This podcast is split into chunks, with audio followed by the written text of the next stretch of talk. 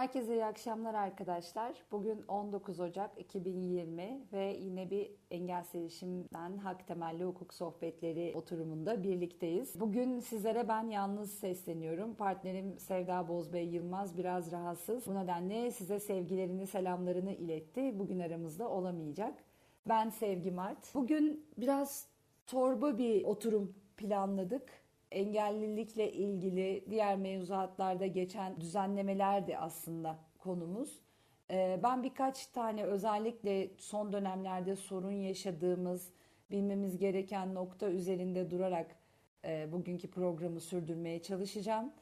Tabii ki programımız yayınlanıp bittikten sonra dünyayaseslan.com adresi üzerinden yine ses kayıtlarımıza ulaşabileceksiniz. Bunun dışında anlatacağımız ya da anlattığımız konularla ilgili her türlü soru, görüş ve önerileriniz için bana sevgi.mart.gmail.com adresinden e, partnerim Sevda'ya da sevdabozbey.gmail.com adresinden her zaman ulaşabilirsiniz sorularınızı iletebilirsiniz. Biz de elimizden geldiğince cevaplamaya çalışırız. Bugün ben öncelikle bankaların erişilebilirliğine dair bir yönetmelik çıktı biliyorsunuz 2016'da. Her ne kadar çok aktif uygulanmasa da Biraz ondan söz etmek istiyorum. Bankacılık hizmetlerinin erişilebilirliğine dair yönetmelik. Bu yönetmelik hakkında biraz bilgilendirme yapmaya çalışacağım size ki hepimiz bankalarda çok ciddi sorunlar yaşıyoruz. Özellikle imza noktasında çok ciddi problemlerle karşılaşıyoruz. Ee, bu sorunların aşılmasına yönelik olarak da oradan başlayarak anlatayım sizlere. Şimdi biz bir grup hukukçu arkadaş e, bir araya gelerek bir kendi aramızda bir grup oluşturduk ve bu grup şu an bankalarda yaşanan sorunların çözümlerine ilişkin olarak bir takım çalışmalar yapıyor. Ee, daha önce Bankacılık Düzenleme ve Denetleme Kurulu'yla ve Türkiye Bankalar Birliği ile bir takım toplantılar gerçekleştirdik. Yaşadığımız sorunları onlara anlattık. Ee, nelerle karşılaştığımızı bankalarda. Ee, ve onlarla birlikte ortak çözüm önerileri, ortak çözüm yolları bulmaya çalıştık. Şu anda bir Facebook sayfası oluşturuyoruz. Oluşumu tamamlandıktan sonra Sizlerle WhatsApp grubumuz üzerinden de paylaşacağım bunu. Diğer e, mail gruplarımızdan da duyuracağız zaten. Bir Facebook sayfası oluşturuyoruz. Yine bir Twitter sayfası oluşturuyoruz. E, oluşumu tamamlanıyor. Bu Twitter ve Facebook sayfalarının yöneticisi ben olacağım. Amacımız ne? E, onu da söyleyeyim. Şu an çekirdek kadroda kimler var onlardan da bahsedeyim size. Benimle birlikte Merve Ertan var, Hüseyin Varol var ve Reşat Göcan var şu anki çekirdek grupta. Ama yaşanan sorunların daha detaylandırılması ve birçok alanda e, geniş çaplı bir çalışma yürütüyoruz. E, büyük grubumuzda da daha fazla, daha farklı hukukçu arkadaşlarımız da var bizlerle birlikte çalışan, emek harcayan, mesai harcayan. Peki biz neyi hedefliyoruz? Şöyle biz gerek BDDK ile gerek Türkiye Bankalar Birliği ile yaptığımız görüşmelerde özellikle BDDK ile yaptığımız görüşmede bu bankalarda yaşadığımız imza sorunuyla ilgili olarak BDDK'nın konudan çok haberdar olmadığını fark ettik. Yani Bankacılık Düzenleme ve Denetleme Kurulu'nun Türkiye'de mevcut bankaları denetleyen kurulun bu sorundan çok fazla haberdar olmadığını fark ettik. Çünkü gerek bankalar e, gerekse bizler bu konuyu BDDK'ya taşımıyoruz. Taşımadığımızı fark ettik. Evet zaman zaman ikili görüşmelerde gündeme gelebiliyor bu. E, ama doğrudan onların elinde bir done oluşturacak şekilde bunu yapmadığımızı fark ettik. Ve onların da bizden talebi şuydu. E, dediler ki ya böyle bir problemle yaşadığınız zaman, bu karşılaştığınız zaman bize elle tutulur somut veriler ulaştırın. Ki biz de denetimini yaptığımız bankalara ya sen bunu neden yapıyorsunun hesabını sorabilelim. E, aksi halde bu sistem çok sağlıklı yürümez. Biz yaptığımız denetimlerde bunu göremeyiz. E, sizler de bu soruna muhatap olmaya devam edersiniz dediler. E, peki biz ne yapmayı hedefliyoruz? Biz açacağımız Facebook ve Twitter hesaplarında bu problemle karşılaşan arkadaşlarımızın doğrudan bize bu grubu oluşturan, grubu yönetecek olan, sayfaları yönetecek olan insanlar hukukçular olacak. Doğrudan bize ulaşmalarını, e, sorunlarını bize anlatmalarını hedefliyoruz. Aynı zamanda bu sayfalarda e, bir yönlendirici kılavuz metinlerimiz olacak bizim. E, bir problemle karşılaştığınız zaman hangi yolu izleyeceksiniz? Ne yapmanız gerekiyoru anlatacağız size orada. Ve e, gerek BDDK'ya gerek Türkiye Bankalar Birliği'ne ellerinde somut veri oluşturacak şekilde dokümanlar ulaşmasını sağlayacağız.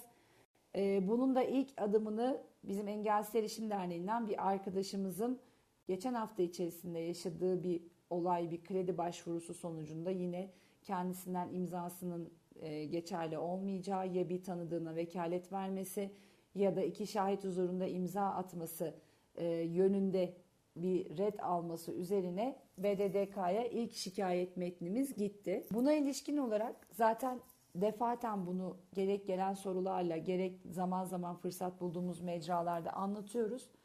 Arkadaşlar hiçbir bankanın sizden sizin kendi talebiniz olmadığı sürece iki şahit huzurunda imza atmanızı isteme hakkı yok. Şimdi biz e, şöyle açıklayayım. Ülkemizde bir mevzuat sıralaması vardır arkadaşlar. Bu mevzuat sıralamasının en tepesinde anayasa yer alır. Sonra kanunlar yer alır, yönetmelikler yer alır. Bunun altında da genelgeler, işte diğer düzenlemeler, tebliğler yer alır. Bu hiyerarşi bize neyi anlatır? Bir tebliğ bir yönetmeliğe aykırı olamaz. Bir yönetmelik bir kanuna aykırı olamaz. Kanun anayasaya aykırı olamaz. Şimdi e, bu sıralamanın şurada bir önemi var. Türk Borçlar Kanunu'nda der ki 15. maddesinde bir görme engelli kendisi talep etmediği sürece imza atarken şahit bulundurulmaz der. Bunun tek koşulu görme engelli kendisi istiyorsa ben imzamı atarken iki tane şahit bulunsun diyorsa o zaman şahit bulunabilir ama böyle bir talebi yoksa hiç kimse onu şahit huzurunda imza atmaya zorlayamaz. Peki bankalar bunu bize niye yapıyor? Bankalar diyorlar ki ya bizim tebliğimiz var, iç düzenlememiz var. E sen işte biz sen bizden kredi çekeceksen iki şahit huzurunda imza atman gerekir. Banka böyle bir tebliğ yayınlayamaz arkadaşlar. Yayınladıysa da bu tebliğ hukuka aykırıdır. Çünkü hem erişilebilirliğe dair, bankacılık hizmetlerinin erişebilirliğine dair yönetmeliğe aykırıdır. Onu da bir kenara bırakalım. Alenen borçlar kanununa aykırıdır. Kanuna aykırı bir tebliğ çıkarılması mümkün değildir. Dolayısıyla banka sizden böyle bir şey talep ettiği zaman ne yapmamız gerekiyor? Bunu da kısaca anlatayım burada. Böyle bir taleple karşılaştığınız zaman yapmanız gereken e, BDDK'nın Bankacılık Düzenleme ve Denetleme Kurulu'nun sayfasında bir şikayet metni formu var. E, bu metin PDF olarak yüklenmiş sayfaya. Biz bunun Word halini de kuracağımız Facebook ve Twitter sayfalarına belge olarak ekleyeceğiz ama e, ola ki bu oluşum tamamlanmadan başınıza gelirse diye bilgi vereyim. Oradaki PDF formatını çıkarıp elle yazmak zorunda değilsiniz. Sadece BDDK'nın koymuş olduğu formda hangi bilgileri istediğini görüyorsunuz. Siz o formdan e, kendiniz bir Word belgesi oluşturup bilgisayarda işte neyi istediğini yazıp orada ne istiyor adınızı soyadınızı hangi bankanın e, hangi bankaya şikayet etmek istediğinizi burada dikkat etmeniz gereken şey şu X bankası yazmanız yeterli değil. X bankası Y şubesi şeklinde belirtmek zorundasınız. Hangi şube olduğunu da bu e, muameleyi yapan banka şubesinin de açık bir şekilde belirtmeniz gerekiyor. Ancak o şekilde dikkate alıyorlar. Şikayetinizi yazıyorsunuz ve ve burada BDDK'nın istediği şey şu. Bu belge benim elime ıslak imzalı gelsin diyor ki benim elimde bir kanıt oluştursun bu belge diyor.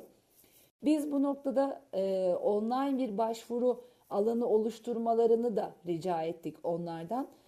E, şu aşamada onu değerlendireceklerini söylediler. Yani teknik altyapılarını ona uygun hale getireceklerini söylediler. Eğer bu olabilirse zaten online bir başvuru yolu da olacak. Ama şu aşamada online başvuru şansınız yok. Orada evet bir online başvuru yeri var. Ancak o bu şikayetleri kapsamıyor. Dolayısıyla oradan yapacağınız başvuru e, bu şikayetler kapsamında değerlendirilmeyecek ve sizin başvurunuz bir nevi boşa gitmiş olacak. Bu nedenle oradaki formda istenen belgeleri içeren bir başvuru metni hazırlayıp imzalayıp gönderdiğiniz zaman BDDK çünkü kendi yönetmeliğine de aykırı bu, kanuna da aykırı. Gerekli tedbirleri alacaktır. Alacaklarını da söylediler zaten haberdar olmaları halinde gerekli tedbirlerin alınacağını söylediler. BDDK böyle şey bir yer değil arkadaşlar. Yani hani e, hakikaten bankalar üzerinde ciddi yaptırımlar uygulayabilen bir yer. Hani laf olsun diye açılmış bir yer değil. Bu nedenle yapılacak başvuruların e, işe yarayacağını düşünüyorum. Bankayla, bankalarla ilgili yaşadığımız temel sorunu da bu şekilde değindikten sonra şimdi bankacılık hizmetlerinin erişilebilirliğine dair yönetmeli bir biraz şöyle bir bakmak istiyorum. Neler getirdi bu yönetmelik, bize neler verdi, neler kazandırdı diye bak bakalım. E, ondan sonra birkaç tane daha düzenlemeden, bankacılıkla ilgili olmayan birkaç düzenlemeden daha bahsedeceğim sizlere. Şimdi yönetmelik her zamanki gibi tabii amacını, kapsamını düzenliyor. İşte bankacılık hizmetlerinin erişilebilir hale getirilmesinin amacı olduğunu düzenliyor. Bütün bankaları kapsadığını, özel ve devlete bağlı bankaları kapsadığını belirtiyor. Tanımlara yer veriyor.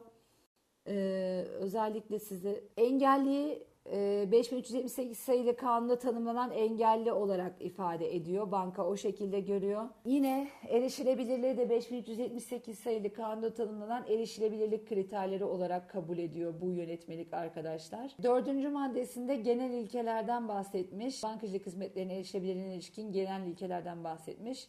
Bankaların e, ürün ve hizmetlerini planlarken engelli müşterilerin ihtiyaçlarına uygun planlaması gerektiğini, onların ihtiyaçlarını, yani engelli müşterilerinin de ihtiyaçlarını göz önünde bulundurması gerektiğini söylemiş. Yine işte hizmetlerinin erişilebilirlik standartlarına uygun yapılmasını ve uygun değilse de bunun uygun hale getirilmesi gerektiğini düzenlemiş. Engelli e, müşteri hizmetleri yetkililerinin ve banka personelinin engelli müşterilerle iletişimi ki burada özellikle kastedilen ve son dönem çok sıklıkla kullanılan bir takım bankaların da bu konuda gerçekten aktif çaba sarf ettiği işitme engelli müşterilerden bahsediliyor özellikle.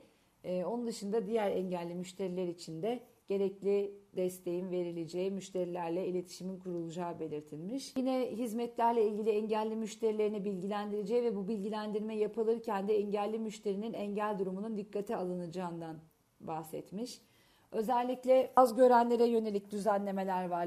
Levhalar, tabelalar ve işaretler konusunda e, renk kontrastlarının belirlenmesi gerektiğinden bahsetmiş. Kullanılan yazı tiplerini ve e, rakamlarda, yazı metinlerde ve rakamlarda yazı tiplerinin kullanımına dikkat edileceği, çok küçük puntolarla yazılmayacağı yine düzenlenmiş. Yine bankacılık hizmetlerine ilişkin sözleşmelerin ve yine ekstrelerin, kredi kartı ekstrelerinin e, internet sayfalarında sözlü ve yazılı ve işaret diliyle videolarının bulunacağından bahsetmiş. Ancak şu ana kadar birçok bankanın sayfasında ben böyle bir şey görmedim. Hani gören var mı, dikkatinizi çeken var mı bilmiyorum. Bu yapılmadı. Şöyle demiş ki banka sizi bankanın engelli kabul edebilmesi için %40 ve üzeri engelli olduğunuza dair sağlık kurulu raporunuzu bankaya ibraz etmeniz gerekiyor. Bu durumda sizi banka engelli olarak kabul ediyor ve size ilişkin hizmet sunumlarını da o şekilde planlıyor.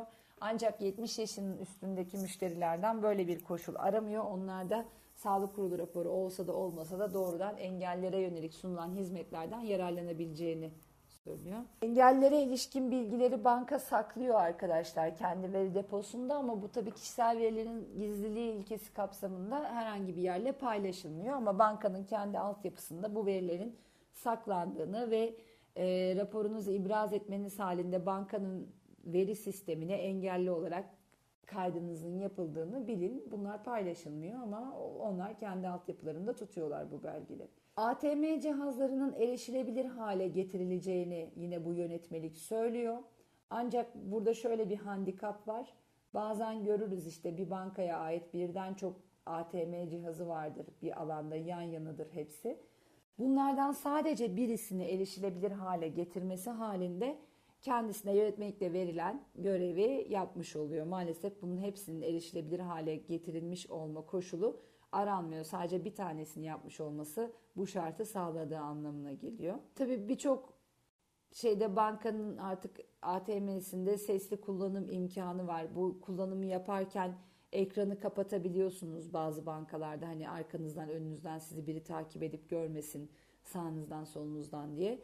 ekranını kapatarak da kullanabiliyorsunuz. Yine ortopedik engelli müşterilere yönelik de e, bank ATM'lerin erişilebilirliğinin sağlanmasını öngörmüş. Bu özellikle ekranın kapatılması noktası bankalar arasında biraz şey oldu arkadaşlar. Yani hani ekranı kapatarak görme engelli müşterinin bankayı kullanması özellikle banka hukukçuları arasında falan biraz tartışıldı. Çok saçma gerekçelerle tartışıldı.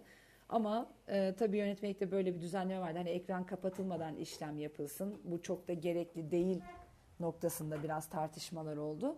E, ama hani onların savları etkin olmadı ve şu an ekranınızı kapatarak işleminizi gerçekleştirebiliyorsunuz. Şubelerin erişilebilirlik standartlarına uygun olmasının sağlanması öngörüldü. Yine bu yönetmelikte görme engelli müşterilerin talep etmeleri halinde e, kredi kartı ekstrelerinin ve hesap özetlerinin kendilerine Braille çıktısının verileceği, yine kredi kartı sözleşmelerinin ve diğer bankanın sunduğu hizmetlere ait sözleşmelerin Braille çıktılarının kendilerine verileceği de düzenlendi.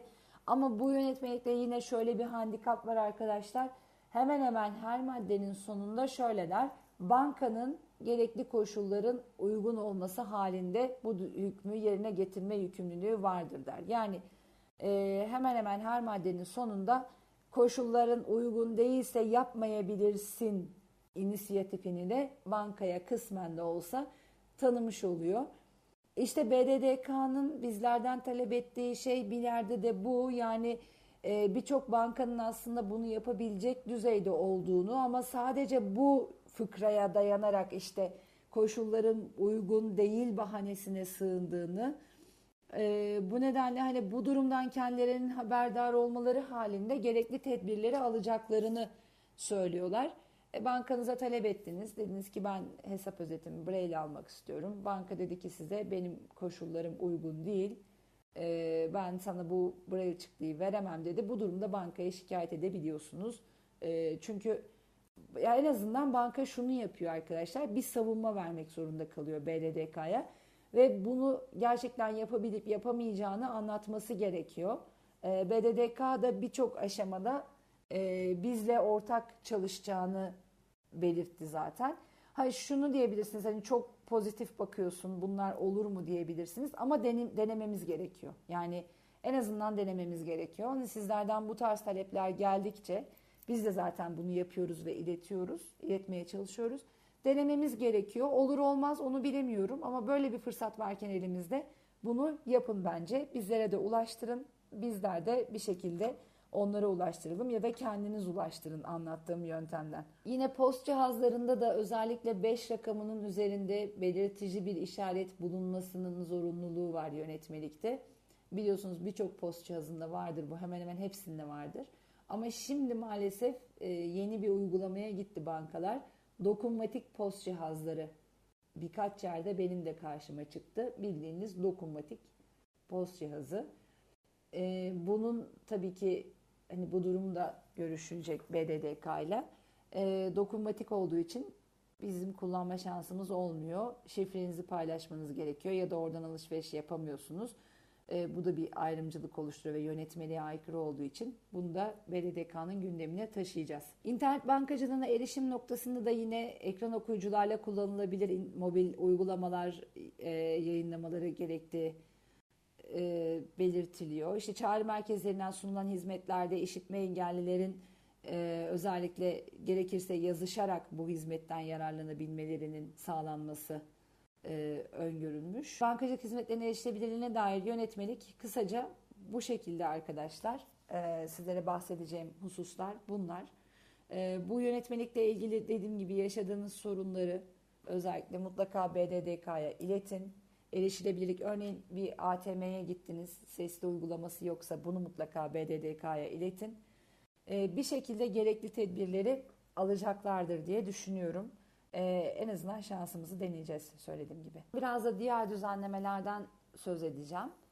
Ee, şimdi engellilere ilişkin olarak biraz dedim ya torba bir program bu program diye. Biraz böyle torbaya birkaç şey attık biz. Evet bir tanesi de şey arkadaşlar Türk Ceza Kanunu'nda aslında bunu daha önce konuşmuştuk ama yine kısaca değinmek istiyorum. Çünkü bu konuda e, gerçekten hafta sonunda birçok sivil toplum örgütünün katılımıyla yapılan bir eğitimdeydim ben. Orada da çok e, bu konuda bir şeyler yapmamız gerektiği ciddi şekilde konuşuldu. E, işte otizmli dernek temsilcileri vardı, LGBTİ'den temsilciler vardı, işitme engelliler e, derneklerinden temsilciler vardı, ben vardım falan. Bu konuda gerçekten bir takım adımlar atmamız gerektiği, e, gerekirse hani kamuoyu oluşturmamız gerektiği söylendi. Şimdi Türk Ceza Kanunu'nda 122. maddesinde biliyorsunuz ayrımcılık yasağı düzenleniyor ama maddede son yapılan değişiklikle dendi ki e, ayrımcılığın var olabilmesi için kişinin onun nefret sahikiyle yaptığının ispat edilmesi gerekir dendi. E, bu nefret sahikinin ispat yani şöyle bir duyguyu ispat etmeniz gerekiyor. E, bu gerçekten mümkün değil. Yani bir insanın bir duygusunu e, ispat etmeniz çok çok çok zor bir durum. E, belki diyeceksiniz ki yani beden diliyle ispat edilir, işte ses tonuyla ispat edilir ama bunları o anda yaşayacaksınız. Ondan sonraki bir aşamada bunları ispat edebiliyor olmanız hani siz bunu anlasanız bile mümkün değil. Bu nedenle özellikle oradaki nefret sahibi ifadesinin e, yasa metninden tekrar çıkarılması için bir takım çalışmalar yapılması öngörülüyor, planlanıyor.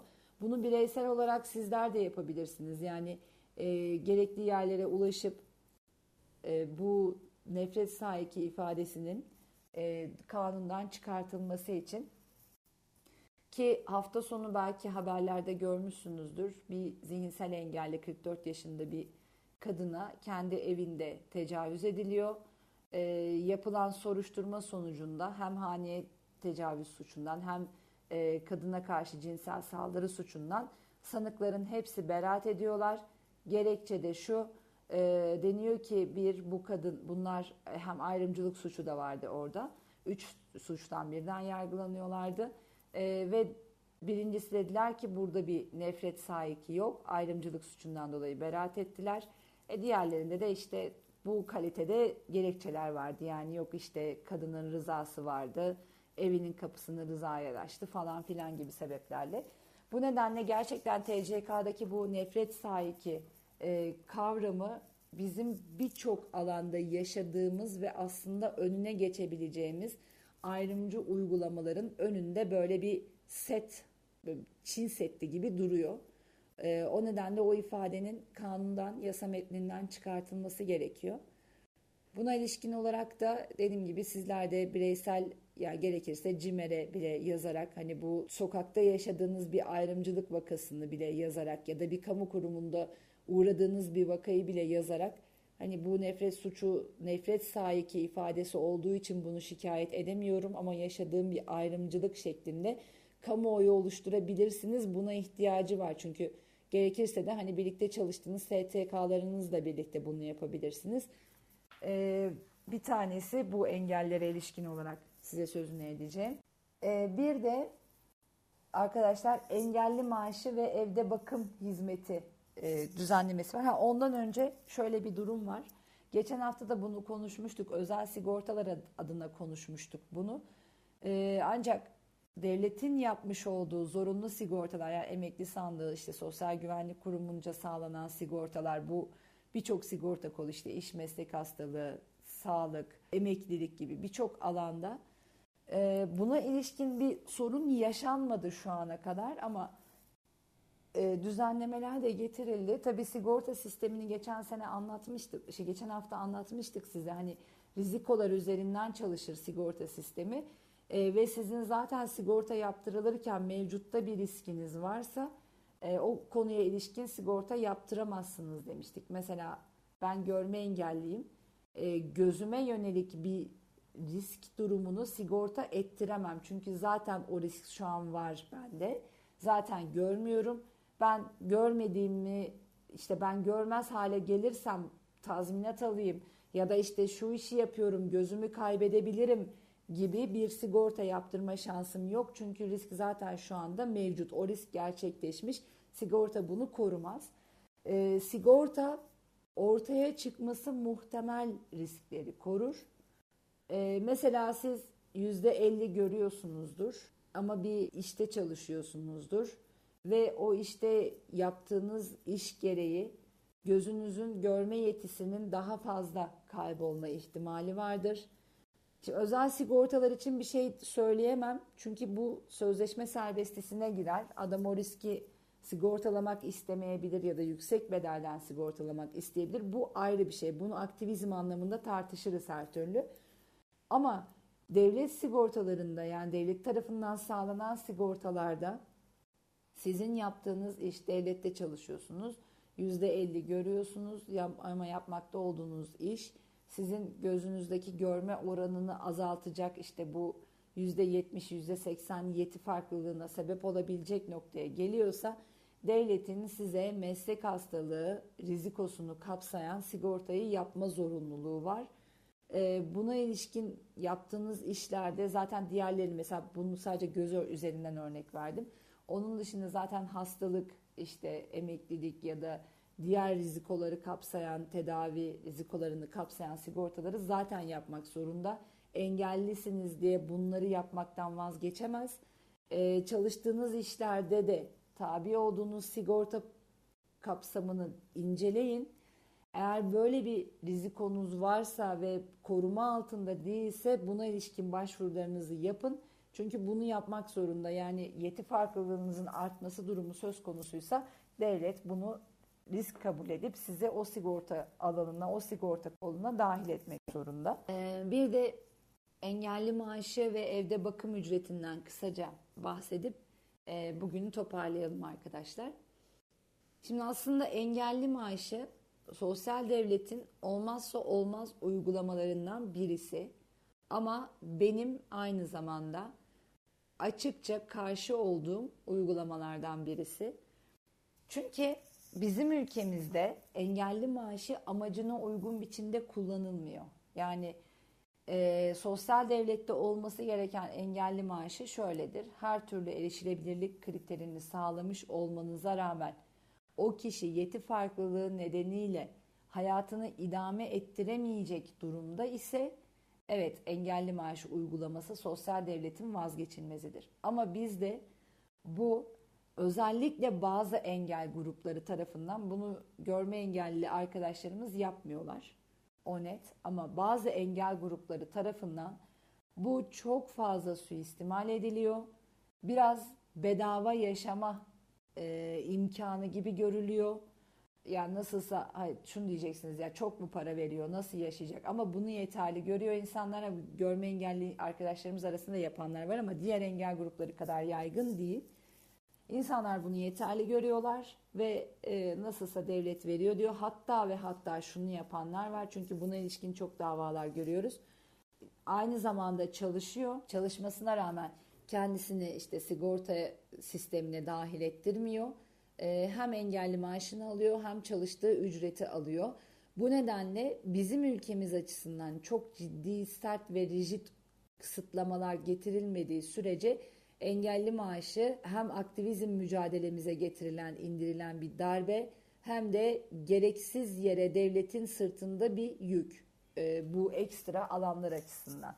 Ama erişilebilirlik kriterlerine rağmen eğer e, kişi halen hayatını idame ettiremiyorsa bu durumda engelli maaşının tabii ki olması gerekiyor. O sosyal devletin vazgeçilmez unsurlarından birisi. Çünkü devletin onu bir şekilde vatandaşını koruması, onun sosyal devlet olması sebebiyle hayatını idame ettirecek koşulları sağlaması gerekiyor. Ama erişilebilirlik kriterleri gerçekleştiği zaman hayatını idame ettirebiliyorsa devletin böyle bir yükümlülüğü de yok.